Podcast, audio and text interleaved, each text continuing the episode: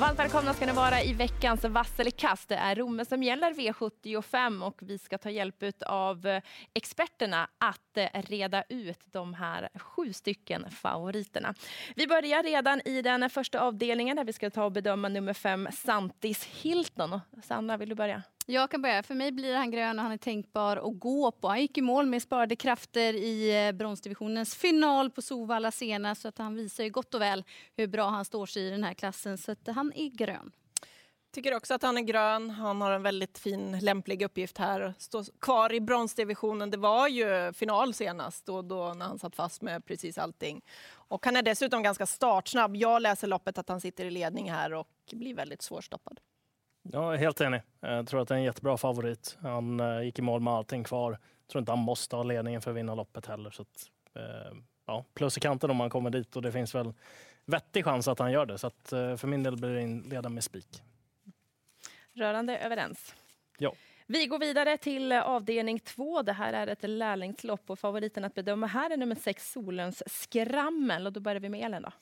Jag tycker hon är röd eh, med tanke på att hon har varit väldigt ojämn. Hon var inte till sin fördel senast. Eh, jag vet inte riktigt vad vi har henne för dagen och därav så blir hon en röd favorit. Eh, lite mer öppet lopp där, man behöver inte gå på alla. Eh, men jag har några stycken och framförallt sju Mr Birkenstock som har jättefin form. Jämn, bra form, tål att gå med brodd och vinter och trivs på det. Så den tycker jag är tidigast emot. Även fyra Mr Carioca som eh, borde sitta i ledning i, i det här loppet. Och det gör det också svårare för Solens skrammel som gillar ledning. Men jag tror inte att hon kommer dit. Leon? Ja du, eh, vidöppen historia. Eh, rött på favoriten precis som Elin sa, hon är lite ojämn. Och ibland även när hon går i ledningen så där sista biten så är det lite grann att det kan ta emot. Och det har ju tränaren varit inne på själv att emellanåt så, så vill hon inte riktigt. Ehm, jag eh, kommer ta väldigt många hästar här. Jag tycker väl att 12 BG Pastor Jonte är en av de bättre i loppet. Sen har ju han varit en barfota häst eh, tidigare och eh, det är ett tag sedan han startade. Men tycker att han definitivt tillhör de bättre i det här loppet. Sen är jag lite sugen på den här Nasselem om det var så att han bara tappade orken senast och inte hade något riktigt jobb i sig inför den starten. Smygläge nu, tycker att farten där är, är tilltalande på honom. För min del väldigt eh, rätt också på favoriten eh, Solens skrammel just för att hon är så ojämn, trivs allra bäst om hon når ledningen. Kan ju gå undan ordentligt i det här loppet och då är jag också inne som Leon att det gynnar nummer 12 eh, BG Pastor Jonte. Men även fyra Mr Carioca om det är så att Solens skrammel är bort som i galopp inledningsvis. Så, eh, som Elin Leon har nämnt, jag tycker 4, 7, 12 är de som är tidiga. Eh, vi tar oss vidare till V75 3. Det här är ett klass 2-försök och vi har en favorit i nummer 3, Janks Morton. Rätt eller fel, Leon? Eh, kanske lite hög spelprocent på honom så att det får bli en röd favorit när pappa Rock finns där invändigt om han skulle pricka optimalt och vara bättre i voltstart nu än vad han, än vad han har varit tidigare. Eh, då blir det en annan uppgift om man inte kommer till ledningen. Det är väl lite så jag, jag resonerar. Så det får bli rött.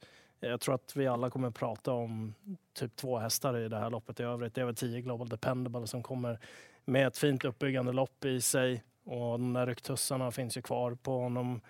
Sen lite, lite svag för 12 Cumulus FG, men jag vet inte riktigt hur det ska gå till därifrån. Jag tyckte han var bra sist. Nu blir det ju vanlig vagn i och för sig då, som ett litet minus. Men han är stark den här hästen och det är ofta tilltalande den här årstiden många som kan ha bekymmer med banan. Han känns inte som en sån.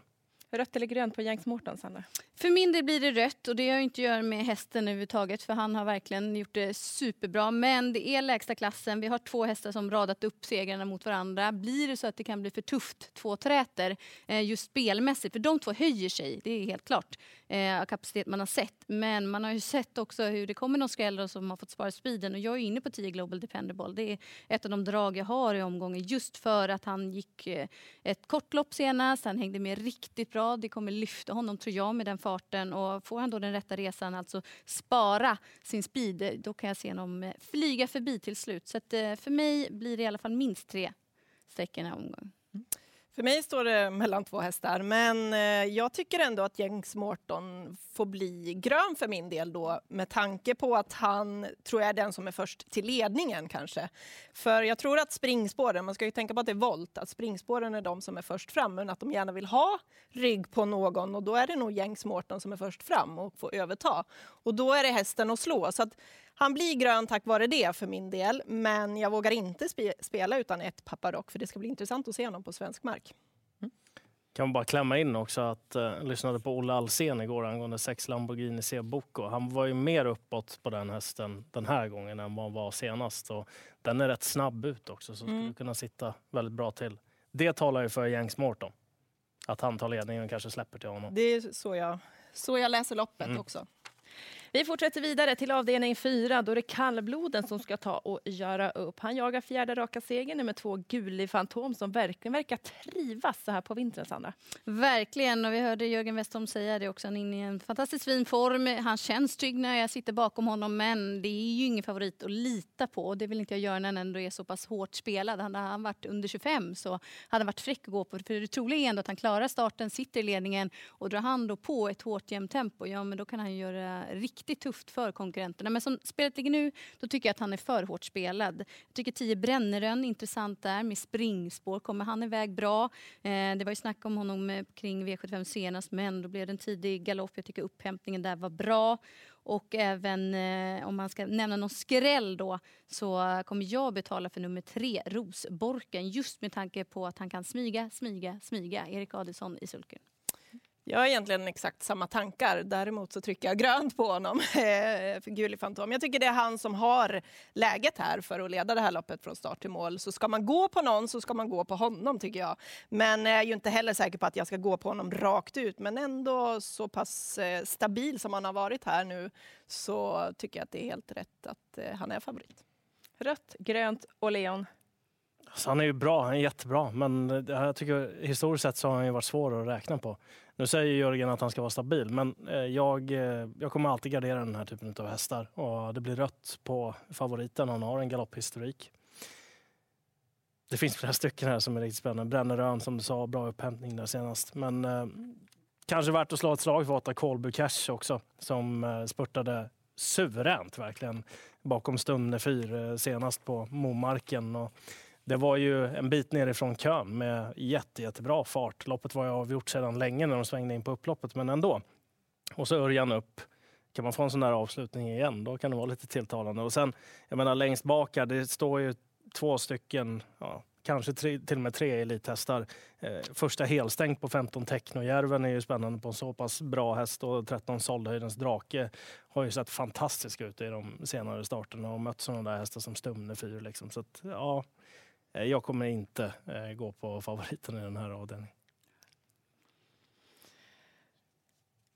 Eh, när vi tagit oss fyra avdelningar så har vi i alla fall en stark favorit och det är ju nummer fem Santes Hilton, när ni var rörande överens. Vi ska se vad ni tycker när vi kommer till avdelning fem som är ett klass 1-försök. En häst ut på V75, han ska ta och försvara färgerna för Timo Nurmos. Nummer sju Mellby Knäckt, Elin.